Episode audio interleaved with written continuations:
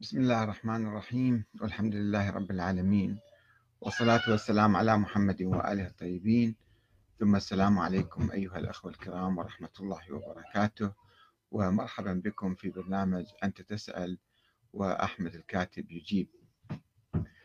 والسؤال الموجه لنا من الأخ آه، يقول آه، ما هو رأيك في سبب عدم وجود معلم يدل على مكان قبر السيدة فاطمة الزهراء بنت النبي محمد ابن عبد الله؟ وهل في ذلك دلالة معينة؟ وقلت له أخي العزيز فكر بمشاكل الحاضر والمستقبل. ماذا يهمك أين قبر السيدة فاطمة الزهراء؟ وماذا وماذا يترتب على ذلك؟ ويكفيكم من التاريخ ما يكفي الطعام من الملح. في الحقيقة التاريخ مهم في بناء أي حضارة وفي بناء أي آه، مستقبل وأي مجتمع. ولكن آه، التاريخ يعني مهم بنسبة معينة. آه، أنا أمثل الملح في الطعام تستفيد من التاريخ والتاريخ الصحيح وليس التاريخ المزيف. والتاريخ المفبرك والتاريخ الموضوع والمكذوب هذا التاريخ يسبب لنا مشاكل يسبب لنا أزمات تستمر إلى يوم القيامة. لا نستطيع أن ننهض بمجتمعنا وبأمتنا إذا إحنا ظلينا. نتشبث بالتاريخ المزيف وأيضا بصورة مضخمة جدا جدا جدا. يعني ناسين الواقع وناسين المستقبل وكأن عايشين إحنا قبل 1400 سنة. ماذا حدث في تلك الأيام؟ بالحقيقة أنا أتذكر أنا عشت في كربلاء ولدت في كربلاء وعشت في كربلاء 20 عاما تقريبا. وكنت أحضر مجالس الخطباء والعلماء أيضا. وكانت أحاديثهم في الستينات يعني أنا وعيت في الستينات وخرجت في بدايات السبعينات. الخطباء كلها كان معيشين طبعا قصة كربلاء والإمام الحسين وعاشوراء وكذا هاي تأخذ شهور من السنة. وأيضا طول السنة وفيات الإمام الفلاني وميلاد الإمام الفلاني وكذا وكذا. وتاريخ هارون رشيد وموسى بن جعفر وفلان إمام وفلان إمام. دائما القصص كنا نسمعها. وما نعرف شيء حقيقة الخطباء ذولا ما علمونا شيء. عن عن تاريخ العراق القريب وعما كان يجري في ذلك الوقت في العراق من مؤامرات وانقلابات عسكرية وفتن وهيمنة استعمارية وكذا كل شيء ما كنا نعرف. يعني الثقافة السائدة هي كانت ثقافة المنابر وثقافة الكتب اللي كانت تصدر ذيك الأيام أيضا كلها تدور حول هذا التاريخ. كل ما عندنا كتب ونشاط ومجلات وجرائد جرائد خاصة بالمتدينين يعني. ما في ما في جرائد بذاك المعنى نشرات يعني كانت تصدر.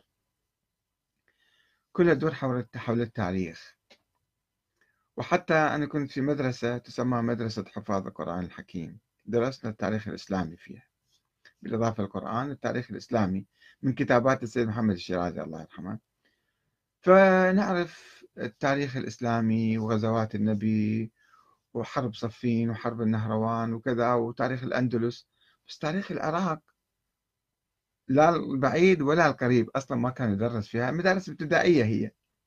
وكذلك في الحوزة أيضا لا لا يدرسون التاريخ. ويا ليتهم يريدون أن يأخذوا العبر من التاريخ والتاريخ شيء مهم. طيب التاريخ هذا شيء مهم. ادرسوه جيدا على الأقل. حققوا فيه مو تاخذوا خرافات وأساطير وروايات مكذوبة وصدقوا بيها وتظلون تبكون وتلطمون عليها. فشوفوا يعني الطعام اللي ناكله هو قضايا العصر اللي لازم إحنا نعدها اليوم. والتاريخ يمكن يعطي مثلا طعم معين يعطي بصمة معينة. لحاضرنا نهتم بالتاريخ وإلا تلك أمة قد خلت لها ما كسبت وعليها ما اكتسبت. هذا القرآن يقول ذلك. ناخذ العبر نعم. بس مو نعيش بالتاريخ. طول وقتنا وطول حياتنا نوقف الأعمال ويوميا مسيرات وعارفين شغلنا وعارفين كذا ورايحين وجايين نمشي وكذا وكلها على قضايا تاريخية. طيب ما أنت بلادك الآن تتعرض للنهب للسرقة للفساد للهيمنة الاستعمارية للاحتلال. كل هذا مو مهم ما مهتمين فيه الناس.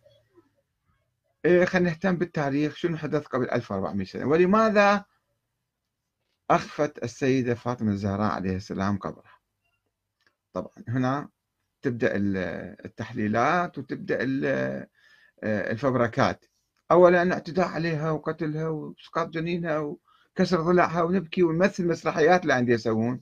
حرق الدار وهجوم وكذا حتى يسوون يعني كأنها قضية معاصرة الآن. كلها كذب في كذب يعني. هذا هو التاريخ اللي أنتم تبدون يعني تهتمون فيه. يقول لك لا هذه بنت النبي محمد. طيب النبي محمد شنو قال لك بالقرآن؟ جاب لك القرآن قال لك لكي يحيي الناس بالقرآن. الله سبحانه وتعالى. ولكن ما قال لك تعال أنت اهتم بقضايا الأفراد الشخصيين. حتى حتى تاريخ النبي محمد ما موجود بالقرآن. يعني شيء بسيط بعض اللمحات بعض القضايا. ليس مطلوبا من المسلمين إحياء مثلا ذكرى آه، وفاة النبي مثلا. وكيف مات النبي؟ مات مسموما أو مات مثلا بصورة عادية. في روايات تقول أنه مات مسموما مثلا. طيب. يعني شو يهمنا الآن إحنا إذا بحثنا مات مسموم ولا ما مات شو يصير بعدين؟ أن فلان واحد مثلا سمى النبي أو فلان ثم ماذا يحدث بعد ذلك؟ فهذا يخلينا أنه يعني ليس مطلوب من المسلمين أن يبحثوا هذه القضية أو يهتموا فيها أو يفكروا فيها أو يجوا يلطموا ويسووها قضية مثلا ومحاكم وكذا منو قتل النبي؟ وروح يشكل تحقيق الآن. كيف يمكن يشكل تحقيق؟ فشوفوا يعني في قضايا أساسية في الإسلام توحيد الله تعالى عبادة الله الاستعانة بالله تعالى العمل بالعبادات والقيم والأخلاق الإسلامية والقوانين الإسلامية. إحنا تاركين مجتمعنا بفقر ملايين الفقراء وبجهلة ملايين الأميين وبلصوص وحرامية ملايين اللصوص الحرامية. وتاركين ما نهتم كيف نعالج الفقر كيف نعالج الجهل كيف نعالج الفساد الأخلاقي اللي موجود الآن.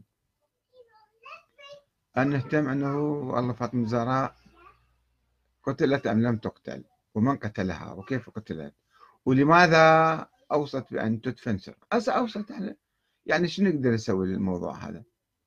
قضية تاريخية وخلافات شخصية وليس من الدين أن تؤمن بهذا الشخص أو ذاك. الدين هذا القرآن موجود ما في أشخاص. ولكن عندما أجينا وسوينا النظريات أنه الصراع اللي كان قبل 1400 سنة أو 300 سنة بين تيارات حزبية مختلفة تيار يقول أنه الحكم مدني والناس ينتخبون الحاكم وهذا الشيء الطبيعي اللي الآن نسوي كل الشيعة الآن مؤمنين بهذا الشيء. وتيار كان في ذيك الأيام تيار مثالي خيالي وهمي قال لا الحكم مو مدني الحكم أيضا ديني مثل النبوة يعني وامتداد النبوة. والحاكم يجب أن يعين من قبل الله. طيب والإمام النبي عين الإمام علي وجي أخذوا حقه وغصبه وجروه على البيعة وكذا وأسروا الزهراء وقتلوها وسقطوا جنينها وكسروا ضلعها وسووا كذا وبالتالي هي ماتت غاضبة على فلان وفلان وقالت دفنوني سرا. طيب هذه القصة كلها مفبركة.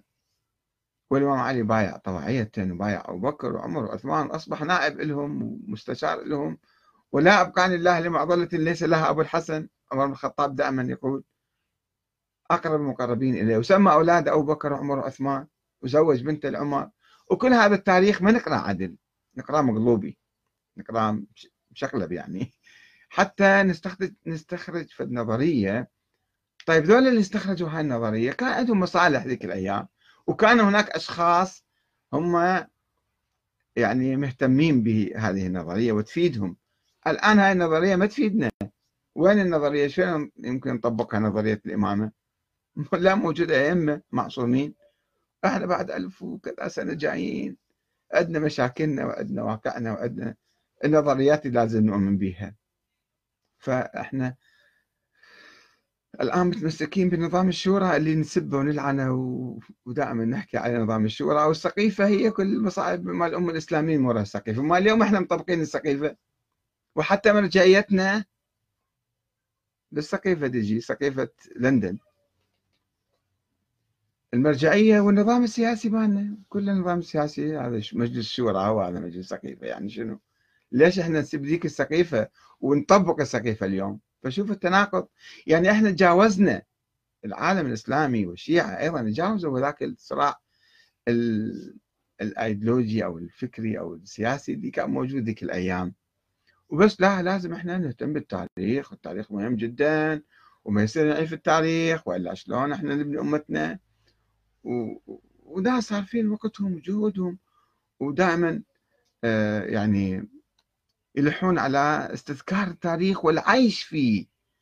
يعني الآن 90% 99% كلها ناس عايشين بالتاريخ و1% إذا بواقع اليوم وبحل مشاكل اليوم ويعني يفكر مستقبل ما عندنا ابدا ما نفكر مستقبل شو يصير بعدين.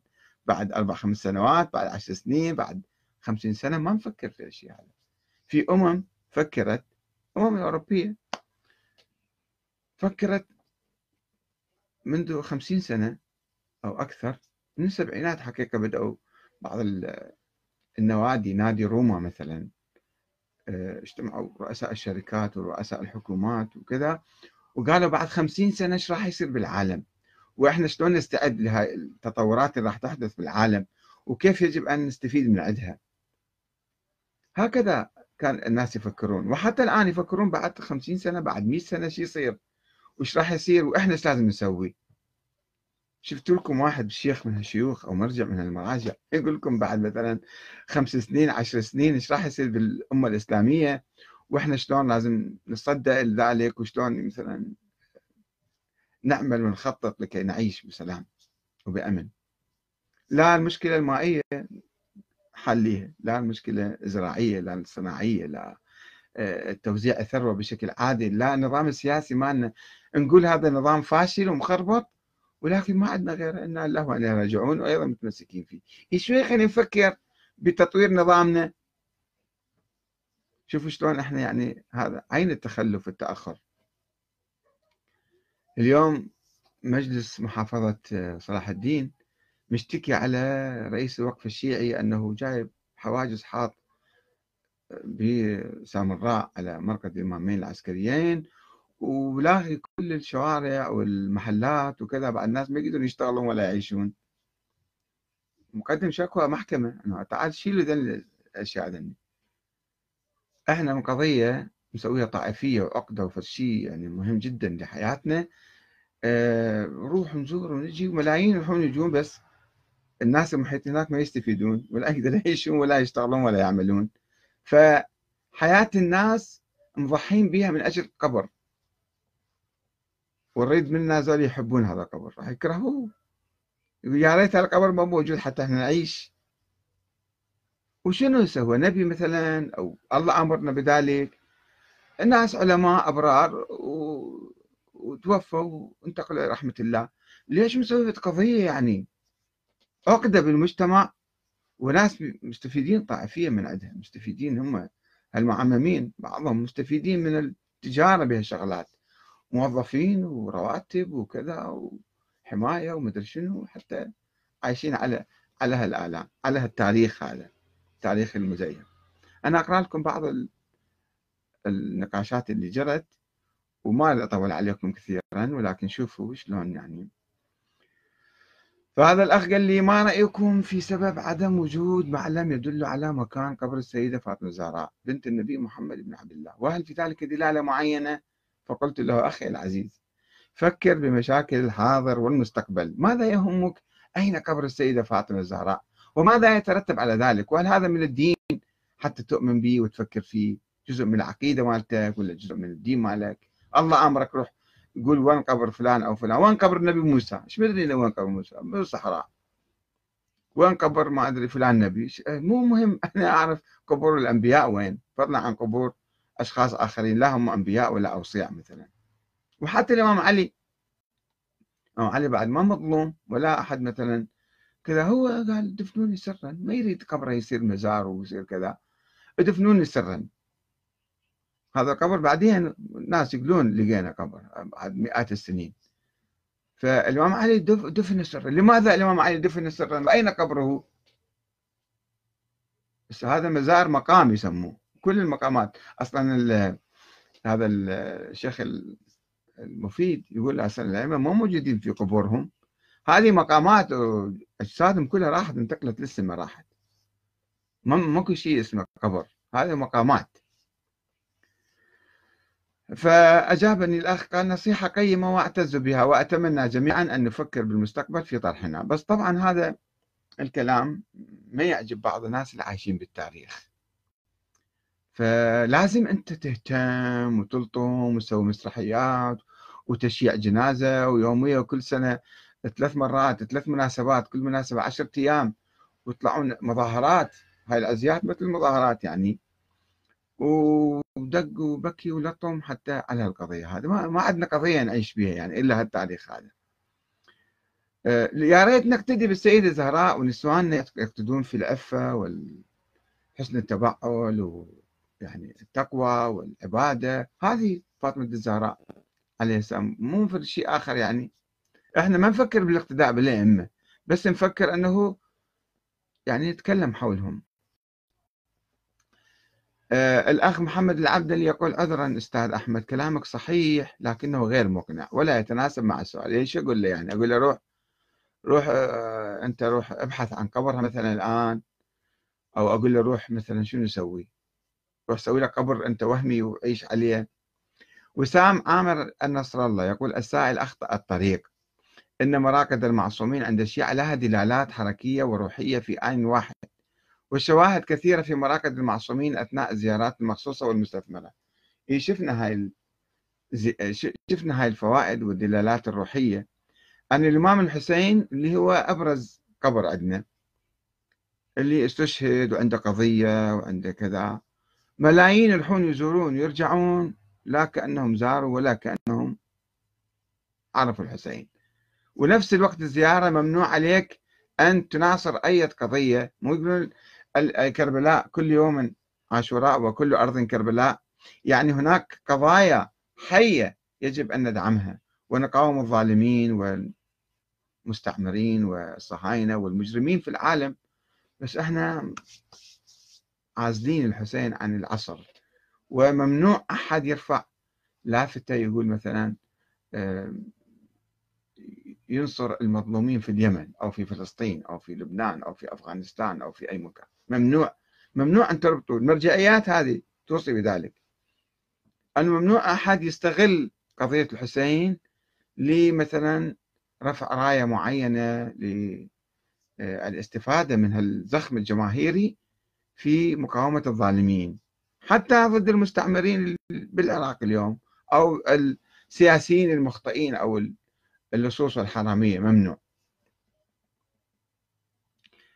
كميل النجار يقول الزهراء أمرت بإخفاء قبرها لتبعث رسالة خالدة لكل ذي عقل أن يفكر ويتدبر ويسأل نفسه لماذا لا يوجد قبر لبضعة الزهراء لبضعة المصطفى؟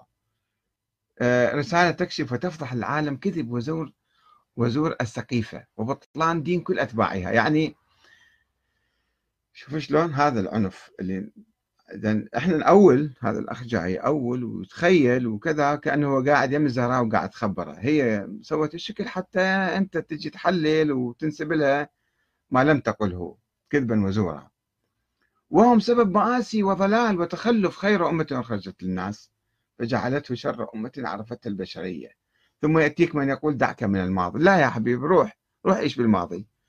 وفكر بمشاكل الحاضر. وهالمشاكل الحاضر كلها إلا نتاج السقيفة المشؤومة التي غيرت مجرى تاريخ الأمة وحرفت عقيدتها وسودت التاريخ وصبغته بالدماء والويلات والآلام والحرمان والطغيان والظلم. بعد ما عنده كلمة يقولها. خلص كل الكلمات. شوف هذا هذه المشكلة. هنا. أنه إحنا نجي تحليلاتنا غوغائية وعشوائية وخيالية التاريخ كله نحلله ب يعني آه، آه، إذا الإسلام لم يضع دستورا للحكم ولم يقل النبي صلى الله عليه وسلم من الحاكم بعدي وما هو نظام الحكم وما هو طريقة ما هي طريقة انتخاب الحاكم. اجتمعوا المسلمين الصحابة اللي نصروا النبي واللي دعموا الإسلام وجاهدوا في سبيل الله. الأنصار في البداية قالوا ننتخب لنا أمير إلنا ثم اجوا المهاجرين قالوا لا خلينا ننتخب واحد لكل العرب. العرب ما يقبلون واحد أمير أو حاكم من الأنصار فانتخبوا أبو بكر وخلص. شنو المشكلة في ذلك؟ صحيح صارت سرعة وفلتة كما يقول عمر بن الخطاب. الإمام علي ما كان حاضر بهاي الشورى بس بعدين ما فرضوا هم نتيجة آه، انتخاب انتخابهم يعني. ما فرضوا أبو بكر على الناس إنما اجتمعوا الصحابة وبعدين بايعوا أبو بكر. وثم بايعوا عمر ثم بايعوا عثمان ثم بايعوا علي. فشلون صار كل التاريخ؟ التاريخ الإسلامي تخربط مو من السقيفة ولا من الشورى. الشورى كانت بدائية وبسيطة يعني ما كان أكو دستور واضح. كان فيها مشاكل وكان فيها ثغرات وبالتالي أدت إلى الفتنة الكبرى وصارت يعني مشاكل وانهارت آه، تلك التجربة. بس بعدين الأمة الإسلامية دهورت لأنه صار عندنا استبداد صار عندنا حكم وراثي. أموي وعباسي وفاطمي أيضا نفس الشيء. وبعدين جت النظريات أنه لا الحكم بهالعائلة. ثم ماذا بعد؟ وين صارت العائلة؟ عائلة راحت ف نجي نحلل التاريخ بهالطريقة هذه مع الأسف الشديد. هنا المشكلة. أنا أشوف هذا أنت في النظرة سوداوية وما أعرف شنو الخطأ وشنو الصواب. إذا كانت الأمور من الشورى أو من السقيفة ليش إحنا مسوين مجلس برلمان الآن؟ ليش بإيران انتخابات ومجلس برلمان مجلس شورى ودستور وكذا؟ طورنا. بعد إحنا يعني آه، نعيش يعني نتأثر بهالمقولات اللي هي نتاج آه، تحليلات خاطئة ونظريات باطلة. ونظريات وهمية خيالية. أنتجت هالتحليلات دبينا كل اللوم على السقيفة وعلى الناس اللي قاموا بالشورى. يا أخي مو هالشكل علاء أحمد الصفار يقول قال الله تعالى ولا تلبس الحق بالباطل وتكتم الحق وأنتم تعلمون. طيب شنو صار يعني؟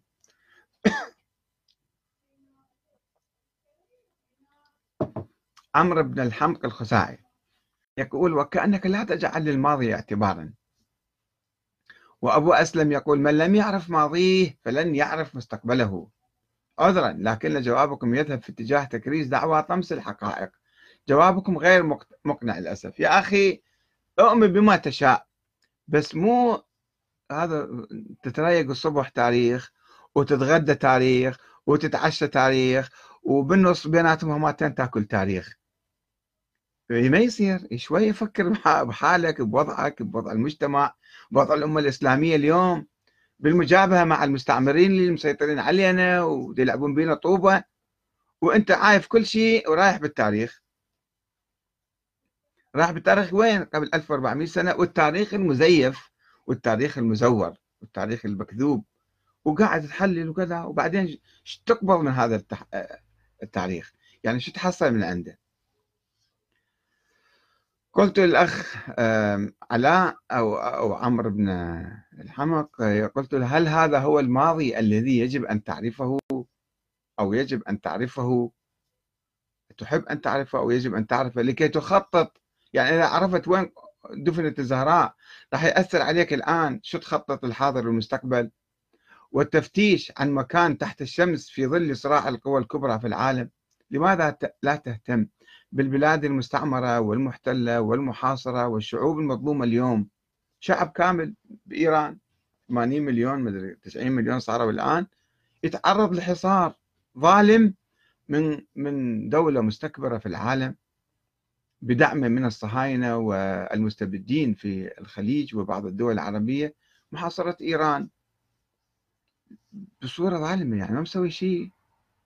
وقعوا اتفاقية نووية وكل الدول الكبرى في العالم والأمم المتحدة.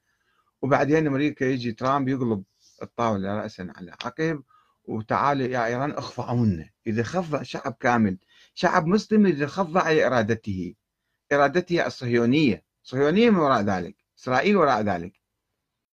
وإحنا واقفين متفرجين. ما علينا. هاي مو ظلم. مو ظلم أن أنت تحاصر شعب كامل وتجوعه واليمن كذلك وفلسطين كذلك وبلاد أخرى أفغانستان. يعني هالشعوب كلها تتعرض لمآسي ولكبت وقتل وتفجير. سوريا الآن يوميا أمريكا قاتلة الناس وقاصفة الناس. و... فأنت كل هذا تسكت عليه وتروح تعيش لي أنا وين؟ دفنت فاطمة الزهراء هي قالت دفنوني سرا وخلاص. وبعدين هي مو يعني نبية قاعدة تتكلم. يعني مسائل شخصية قاعد أنا ما أحب ذولي يجون على قبري ليه؟ ليه يجون؟ انتهى الموضوع. بعد راحوا كلهم راحوا ماتوا. نعم. الأخ أبو أسلم يقول أحمد الكاتب عفوا فكلامكم مغالطة. لأن به خلطا عجيبا وغير مبرر. ما علاقة أن نعرف الماضي بمثال بمثالبه ومحاسنه بالاهتمام بالبلاد المستعمرة والمحتلة. هل علي أن أرمي الماضي بسلة المهملات كي أهتم بمحاربة الظلم والجور؟ أليس الأولى أن نتمعن بالماضي كي نعرف أين الخلل لنتجنبه؟ وبنفس الوقت نحارب الظلم والظالمين. كيف جعلتم هذا بكفة وذاك؟ طيب يعني أنت أجيت خطوة معانا أن تقبل تروح تحارب الظلم والظالمين والمستعمرين. طيب إيش قد أنت راح تصرف وقت وجهد وتفكير واهتمام وإعلام وكلام حول مهاجمة أو مقاومة المستعمرين والمستبدين والظالمين؟ وش قد تفكر بذاك الماضي؟ ذاك الماضي يا ريت تروح تدرسه على الأقل. ادرس الماضي بصورة جيدة. تحقق مو تاخذ على الإشاعات وعلى الدعايات وعلى الأكاذيب والأساطير. وبعدين تسوي لك نظريات من عندك وتركبها على الماضي وتركبها على الإمام علي وتسوي لك فتفتنا طويلة عريضة وما تحصل شيء من وراها. تحصل يعني شوفوا إحنا ألف سنة أنا أتكلم عن الشيعة.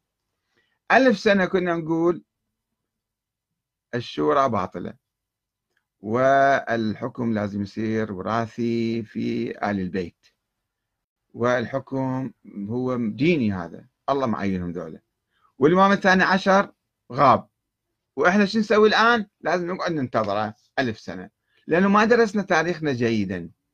ما درسنا هذه الأفكار بصورة جيدة. ما درسنا أنه هناك إمام غائب ولا أصلا هذا ما موجود ولا ولد ولا محزنون. وحتى الآن شوفوا المراجع ما يخلوكم تفكرون ما يخلوكم تبحثون ما يخلون واحد يناقش في هذا الموضوع. خلاص ما موجود وهذه عقيدة ولا تحكي بها أصلا. طيب وبعدين؟ يعني آه، ألف سنة إحنا قعدنا آه، نقاوم نظرية الشورى ونرفضها إلى قبل خمسين سنة. خمسين ستين سنة عندما بدأوا بعض الناس الشيعة المفكرين المثقفين يقولون والله خلينا نسوي دولة إسلامية. كيف هذه الدولة تقوم على الشورى؟ هبوا مراجع النجف كلهم. ممنوع ممنوع حرام ما يجوز.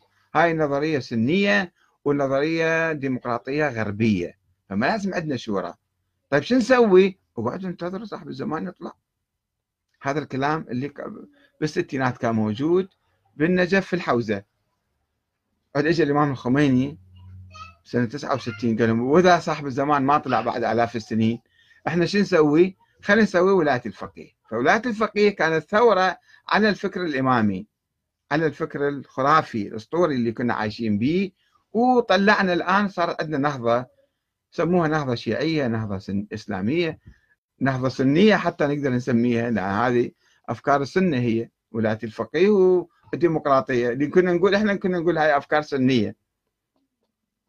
اذا فصارت عندنا نهضة صار تغير في واقعنا.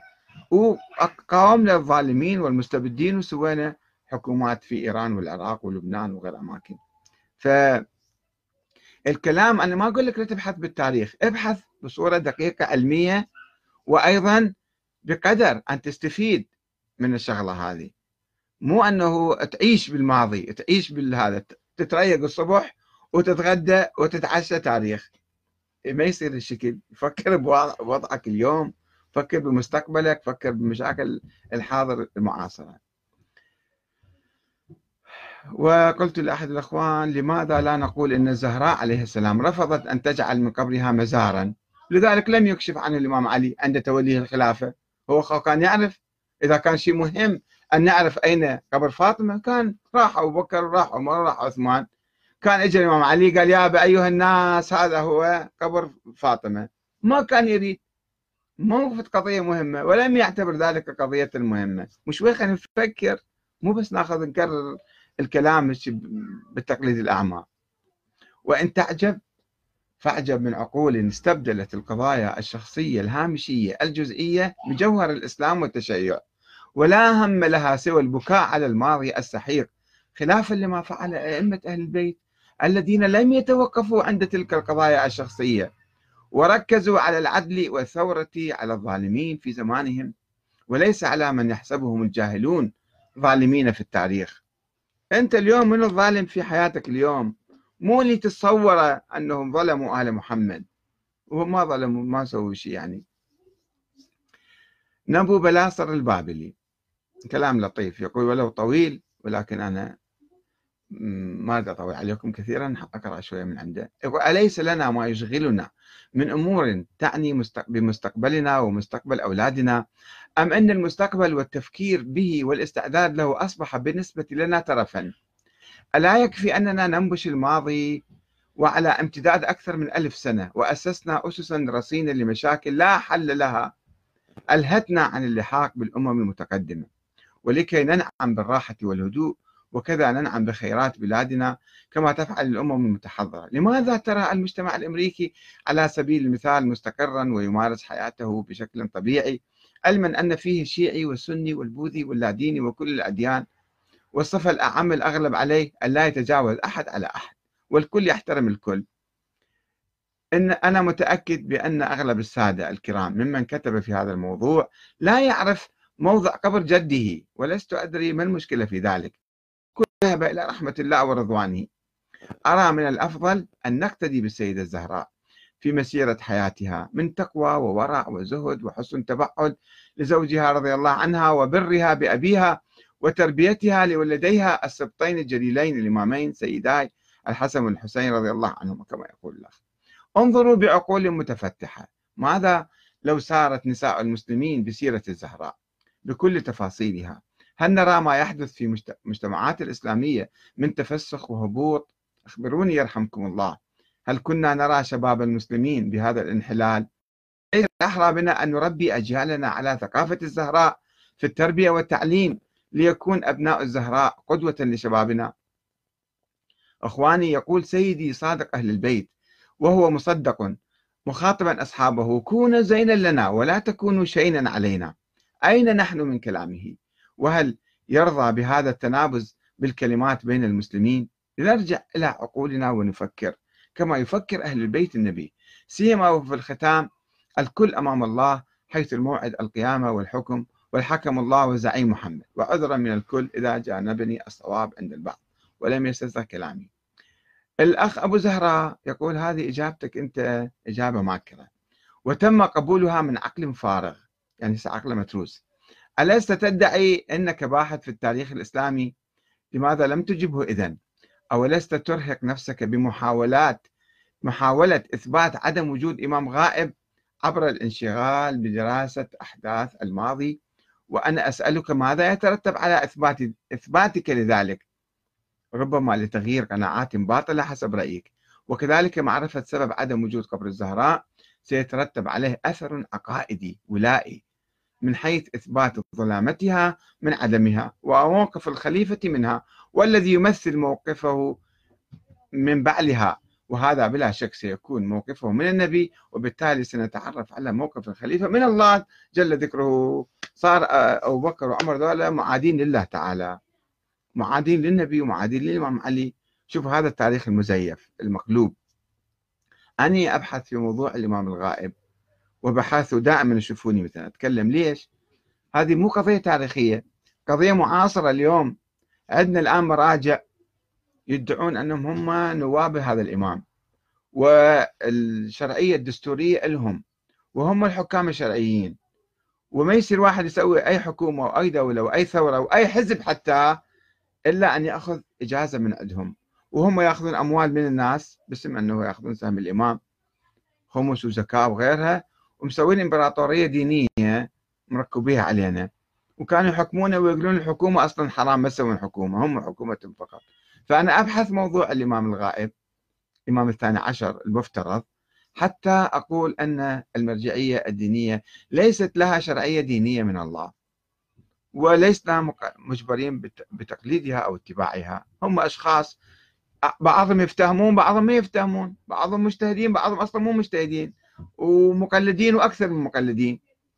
فقضية بناء نظامنا السياسي الديمقراطي يتوقف على توضيح موقف المرجعية. المرجعية ما هو ماذا تشكل بالنسبة لنا؟ هل هي تحت النظام الدستوري؟ فوق النظام الدستوري فوق النظام الديمقراطي فوق القانون. كل ما تفعل كل ما تعمل هي مقدسة وما يجوز نحاسبها وما يجوز نراقبها وما يجوز مثلا ننتقدها أو لا هم ناس بشر مثلنا لابسين عمايم ولابسين كذا مثلا أزياء معينة وبالتالي إحنا لازم دولة آه، نقدسهم ونعظمهم ونخضع لهم وكل شيء هم يكونون فوقنا. هذا إذا قضية حيوية. أنا ما أبحث بس قضية واحد. مثلا هناك شخص آخر شبيبي هذا اسمه محمد بن عبد الله الأفطاح. قضية تاريخية أم قضية تاريخية؟ ناس ادعوا وجود ولد للإمام عبد الله الأفطاح ابن جعفر الصادق. وناس قالوا لا هذا كذب. نفس القضية مشابهة. بس الآن ما عندنا ناس جايين يدعون أنهم هم نواب محمد بن عبد الله الأفطاح. شفت لكم فد مرجع أو فد عالم يقول أنا نائب فلان وأنا الحاكم الشرعي. لو اجى واحد قال هالكلام إحنا سوف نناقشه ونقول له هذا أسطورة وخرافة.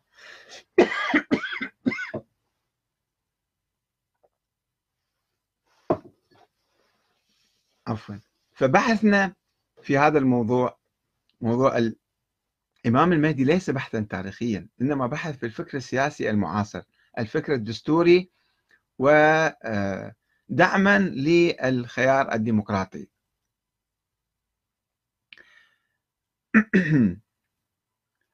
آه، طيب خلينا نشوف آه، أخوة آخرين من صفحة ثانية ماذا قالوا وماذا قلنا لهم.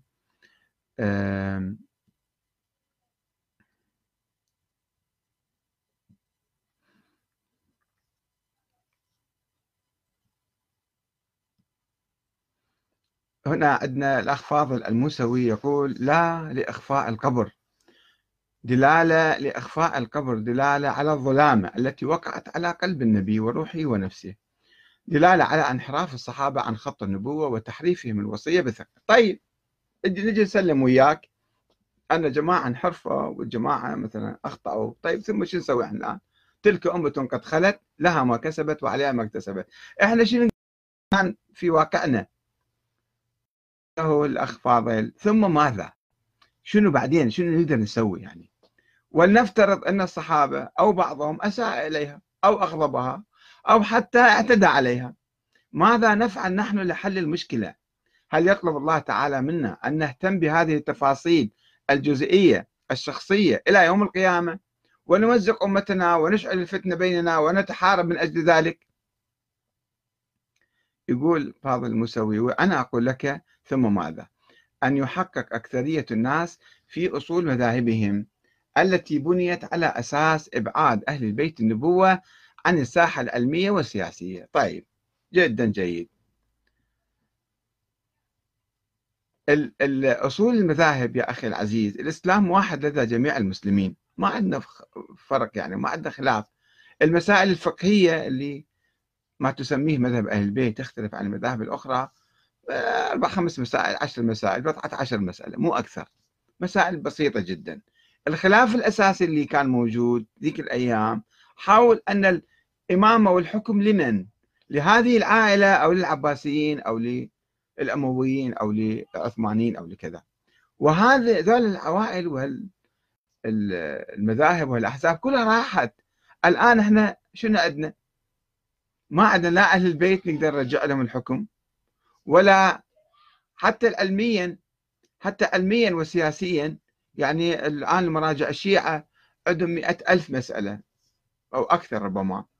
كم مسألة جايبيها من جعفر الصادق أو محمد الباقر بضعة مسائل. وآلاف المسائل الفقهية هم مخترعيها بالاجتهاد مالهم. فإحنا شلون نسمي نفس يعني علميا شلون نستفيد من أهل البيت؟ وسياسيا كيف نستفيد منهم ما عندنا. عندنا الاقتداء بهم. الاقتداء بالإمام الحسين بالإمام علي في العدالة والقانون والشورى والديمقراطية. نعم. يمكن إحنا نستفيد بهذا. اللي أنت ما تعرفه وتنكره أيضا. يعني أنت ما تعرف أهل البيت وتنكر مذهب أهل البيت وتقول أنا أريد أستفيد من أهل البيت. آه الأخ أميل يونس يقول لفاضل الموسوي يا أخي فاضل لنخرج من أعماق التاريخ وخلافاته وإذا ذكرناها نذكرها كقصص تاريخية لنستفيد من العبر لا لنجعلها دينا. وهنا هنا المشكلة. تلك أمة قد خلت لها ما كسبت وعليها ما اكتسبت ولنا ما نكسب. ونحن جميعا نحب آل البيت آل بيت رسولنا والذي هو ملكنا جميعا. الأخ ناظم محسن يقول هو أنت أول الذين تثير المشاكل والفتن عبر منشورات تقلد فيها السلف من الوهابية وأكثرها ضد عقائد المذهب الإمامي الاثني عشري وكلامك وجهه إلى نفسك. أولا هل يحاسبك الله إذا تركت الناس وشأنهم؟ أنا أعمل في سبيل الله إن شاء الله وأرى أن آه، اعتناق بعض الناس بالتاريخ للمذهب الإمامي الاثني عشري. هذا خلاف مذهب أهل البيت هذا مو مذهب أهل البيت المذهب الإمامي الاثني عشري. المذهب الإمامي في زمن أهل البيت هم كانوا يرفضوه وهذا موجود بالكافي يقول لا إحنا مو أئمة معينين من قبل الله فهذا مذهب مصطنع. وماكو دليل على الأئمة واحد واحد لا نص ولا وصية ولا معجزة ولا يحزنون. فشلون تعرف المذهب الإمامي؟ المذهب الإمامي هو مذهب وصل إلى طريق مسدود وانتهى. انتهى بعد 100 سنة سووا المذهب الاثنى عشري في القرن الرابع الهجري وكبلوا الشيعة ودفنوهم في السراديب. العباسيين كان لهم دور كبير في صناعة المذهب الاثنى عشري وانتظار الإمام اللي ما موجود ومرتاحين العباسيين اقعدوا انتظروا مئات السنين آلاف السنين. فالمذهب الاثنى عشري قتل الشيعة دمر الشيعة همشهم أخرجهم من الحياة. مو بس من التاريخ. إلى أن الآن رجعوا لمذهب الشورى. مذهب أهل البيت هو مذهب الشورى. نظرية الشورى هي مذهب أهل البيت الحقيقي. الآن الشيعة يطبقون هذا المذهب سواء في إيران أو في العراق أو أفغانستان أو لبنان أو أي مكان آخر. فإذا آه، أنا من أبحث هذا التاريخ مو أرجع للسلف. السلف الوهابية ما يؤمنون بالشورى ولا يؤمنون بالديمقراطية ويحاربون عندهم الديمقراطية كفر وإلحاد. وأنا أدعو للديمقراطية وأدعو للشورى وأدعو ل آه، يعني تفعيل دور الأمة في الحياة ونقد الحكام ومحاسبتهم ومراقبتهم وتغييرهم أنا وين والسلف الوهابية وين بس أنت يعني بح يعني اخذ حريتك في أن أن تقول ما تشاء ولكن اتق الله فيما تقول. آه كلام آه كثير وأنا طولت عليكم صار أكثر من 45 دقيقة يمكن. آه, آه، حمزة بن أحمد يقول نحن نقص عليك أحسن القصص بما أوحينا إليك هذا القرآن وإن كنت من قبل لمن الغافلين. لنشغل عقولنا قليلا توفيت فاطمة الزهراء عند زوجها ودفنها زوجها وأولادها وحكم العالم الإسلامي زوجها وأولادها هل تريد أن تقول أن زوجها وأولادها أيضا من ظلمها الأخ كمال منتهى يقول إخفاء القبر كما قال لي أحدهم أنه لتدفن بقرب أبيها سرا كي لا يعترض معترض أو يطمع طامع شريف. هاي تحليلات يا أخي العزيز. ناظم أبو, أبو فارس يقول أعجب من أمة تتعلق بقبور الأموات من الصالحين ولا تتوجه إلى رب العالمين رب السماوات وخالق الكون. كانت سياسة علي رضي الله عنه إخفاء القبور اقتداء بالنبي صلى الله عليه وسلم وهو الذي أخفى قبر الزهراء. ففي صحيح مسلم كذا يقول آه، حدثنا عن علي قال لي علي بن أبي طالب ألا أبعثك على ما بعثني عليه رسول الله أن لا تدع تمثالا إلا طمسته ولا قبرا إلا مشرفا إلا سويته. وعلي قد أوصى بإخفاء قبره أيضا فعلى كل ذلك حفاظا على التوحيد ودرءا للشرك رضي الله عنه وأرضاه. ثم لماذا البحث عن القبور؟ وقد قال تعالى وما أنت بمسمع من في القبور. ثم ما علاقة موضع القبر بالظلامة إن كانت هناك ظلامة. ما هو الربط؟ الحمد لله على نعمة العقل. آه، الأخ محمد الحجامي يجيب يقول دلالة على حدوث جريمة نكراء. لم تحدث في الأولين والآخرين. فشوفوا هنا المشكلة أنه إحنا نفتعل آه، قصص تاريخية مزورة وأساطير ونقول هذا تاريخ لازم نتمسك فيه. هنا المشكلة أنه نعيش بالتاريخ المزيف.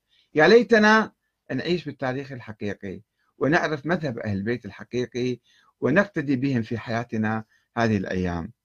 والسلام عليكم ورحمة الله وبركاته.